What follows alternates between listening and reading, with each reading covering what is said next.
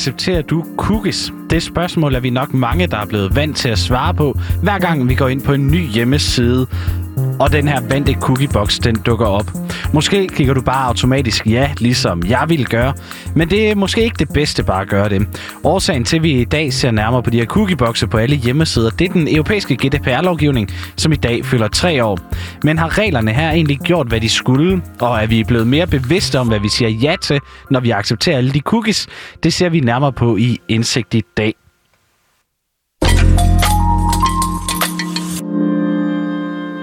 Når du går på nettet for at se nogle sko, en rejse eller en ny bog, ja, så kan du godt regne med, at du kommer til at blive forfulgt rundt på nettet med reklamer og tilbud for lige nøjagtigt de den rejse eller den bog. Og det skyldes cookies, små stykker information, som hjemmesiden de gemmer om dig, og hvad du har kigget på på nettet. Og det er altså også de her cookies, som hjemmesiden de konsekvent spørger dig om, om du vil acceptere, når du besøger dem for første gang. Og selvom det måske lyder lidt teknisk og lidt kedeligt, så er det altså rigtig vigtigt. Det synes Midas Knowens, som er adjunkt på Aarhus Universitet, og her forsker han i digitale rettigheder.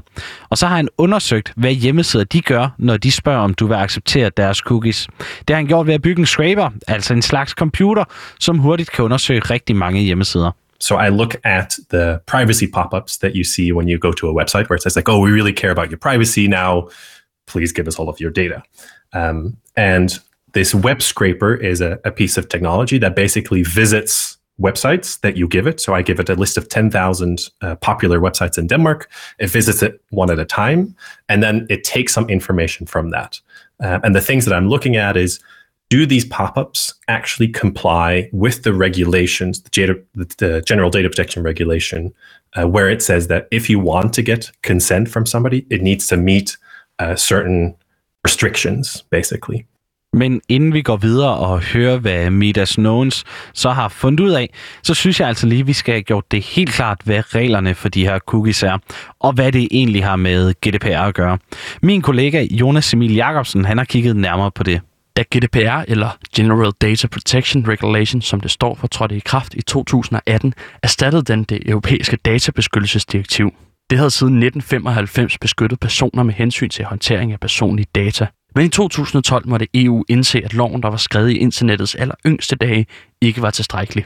Derfor tog EU-kommissionen den 25. januar 2012 de første skridt mod det, der nu gør, at du kan afvise cookies. De foreslog en stor reform af databeskyttelsesdirektivet, der skulle styrke borgere i EU's online privatliv, gøre reglerne for persondata i EU mere ensartet og give et rygstød til den digitale økonomi. Efter fire års forhandlinger og diskussion vedtog EU GDPR i april 2016 med effekt fra 25. maj 2018. Kernen i GDPR er persondata, altså oplysninger, der direkte eller indirekte kan være med til at identificere en person. Det kan være helt simple ting som dit navn, din lokation eller dine login-oplysninger til en hjemmeside. De oplysninger kan være utrolig værdifulde for virksomheder, fordi de kan hjælpe med at lave målrettede reklamer, som for eksempel for et par nye sko. Men det kan også være oplysninger, der ikke åbenlyst identificerer en person, men kan være med til det. De små stykker information, som cookies er, kan netop indeholde oplysninger, der kan være med til at identificere dig.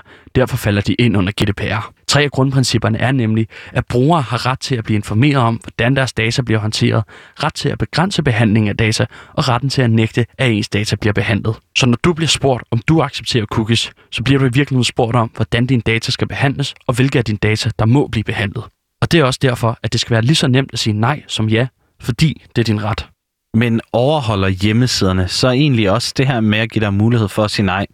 Det undersøgte Midas Knowns i 2019, da han satte sin computer til at undersøge 10.000 britiske hjemmesider, og resultaterne de var ikke just positive. And we found that nine out of 10 websites were not compliant with just a really basic definition of compliance. So, um, under the GDPR, if you want to collect consent from somebody, then that consent from that person needs to be a couple of things. It needs to be informed. So I need to know what I'm saying yes to. Uh, it needs to be specific. So you can't just say yes to everything or no to everything. You need to have some granular controls. It also needs to be freely given, right? So that I'm not being influenced in my answer. So just looking at whether people um, have that option of freely given and informed consent, we found that nine out of 10 websites actually didn't. Og allerede dengang, der kom det her altså til at skabe en del mediedækning. Og ikke længe efter, ja, så viste det sig, at der også var problemer med de danske cookie-tilladelser. I starten af sidste år, der kom der nemlig en principel afgørelse mod DMI fra Datatilsynet. Tilsynet det slog fast, at den måde DMI havde fået samtykke til at lægge cookies, ikke var i overensstemmelse med GDPR. Så derfor så gav Datatilsynet en alvorlig kritik af DMI's behandling af personoplysninger om besøgende på deres hjemmesider.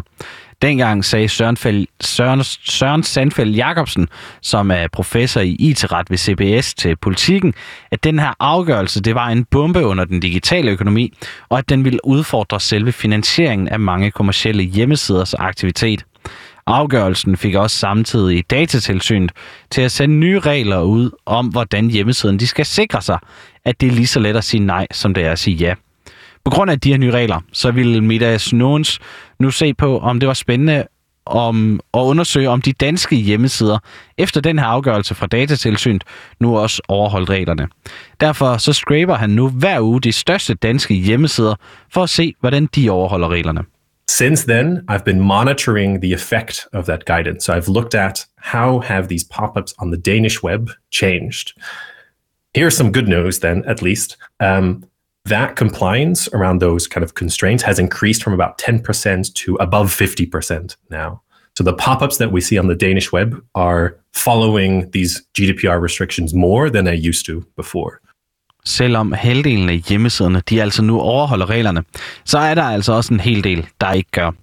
Det kan man også se hos Erhvervsstyrelsen, som kontrollerer de her cookie-regler. De seneste fem år, der har styrelsen gennemført 168 tilsyn af hjemmesider, mens de 155 tilsyn, det har været i løbet af det seneste år. Og i alt, så er det altså kun syv af de her hjemmesider, hvor der slet ikke har været noget at påtale i forhold til cookierne. Det oplyser Erhvervsstyrelsen i en mail, men man har ikke ønsket at uddybe yderligere i et interview.